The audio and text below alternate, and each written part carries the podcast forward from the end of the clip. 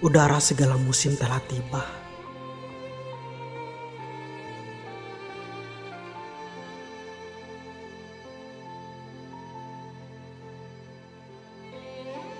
Kita berkhotbah dalam gelisah tentang kehidupan yang kini terpenjara.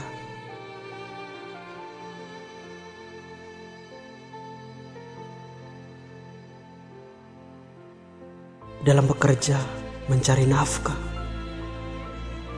kita perlu berdoa supaya terjaga.